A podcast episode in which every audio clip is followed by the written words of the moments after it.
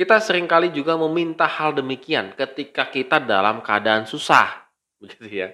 Kalau lagi susah, kita pasti mintanya demikian deh. Tuhan tolong saya, sertai saya dalam setiap langkah kehidupan kita, apalagi dalam keadaan sakit.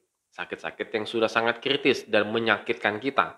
Maka kita akan memohon kepada Tuhan untuk memimpin kehidupan kita.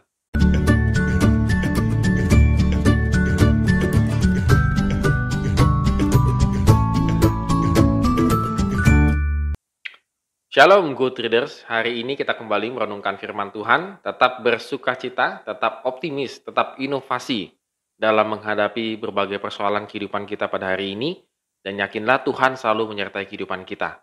Dan kita akan membaca dari satu Tawari pasal 14 ayat 1 sampai dengan yang ke-17. Ya, agak lumayan pendek pada hari ini.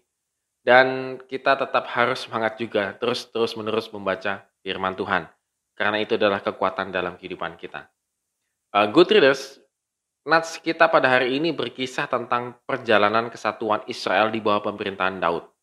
Pertama-tama pengakuan Raja Hiram dari negeri Tirus akan kepemimpinan Daud, sehingga Raja Hiram mengutus tukang-tukang dan memberikan kayu-kayu untuk mendirikan istana. Dan Daud merespon dengan pemahaman bahwa Tuhan yang menegakkan martabat pemerintahannya. Waktu di Hebron ada enam anak lahir baginya, kita bisa bandingkan di 2 Samuel pasal 3 ayat 2 sampai dengan 5. Mereka lahir di Yerusalem. Sebuah keluarga yang besar. Dan dari anak Daud muncul Salomo. Dan Salomo kalau kita tarik akan menurunkan Yusuf, suami dari Maria. Daud adalah pemimpin gerakan orang Israel sejak masa Saul menjadi raja. Daud banyak sekali mengalami kemenangan atas musuh-musuh Israel. Kalau kita akui memang iya. Para pahlawan yang ada pada Daud juga gagah perkasa dan sanggup berperang dengan sangat baik. Kita kemarin sudah belajar ya orang di sekelilingnya Daud. Tetapi dituliskan bahwa Daud tidak berperang dengan kekuatan pasukan tempurnya atau strateginya sendiri gitu ya.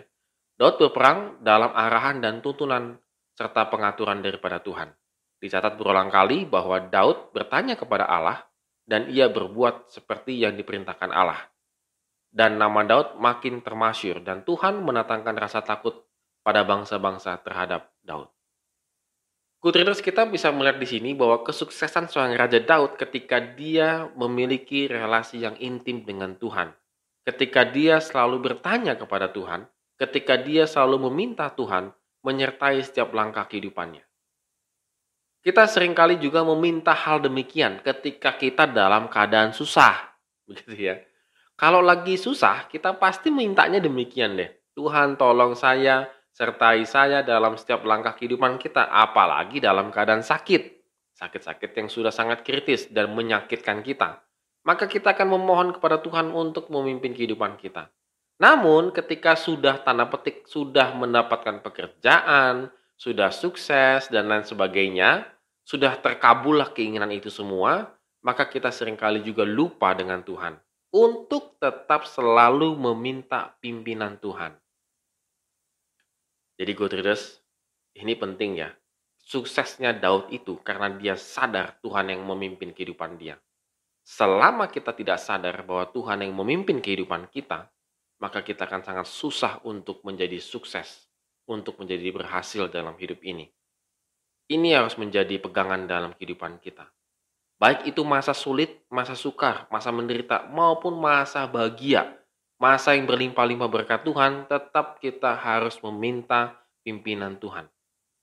Supaya Tuhanlah yang selalu mengatur setiap langkah kehidupan kita. Kenapa? Kalau kita yang mengatur kehidupan kita, cenderung hasilnya adalah satu ego. Kita ingin selalu memuaskan diri kita. Yang kedua, berantakan. Ya, kalau kita mengatur kehidupan kita, pasti berantakan. Berantakannya ke mana? Ya itu tadi, hanya untuk kesenangan duniawi semata. Tetapi kalau Tuhan yang mengatur kehidupan kita, maka dia akan menunjukkan siapa dirinya dia dan kita akan semakin intim mengenal dengan Tuhan. Amin. Terima kasih telah menonton video ini. Have a nice day and God bless us.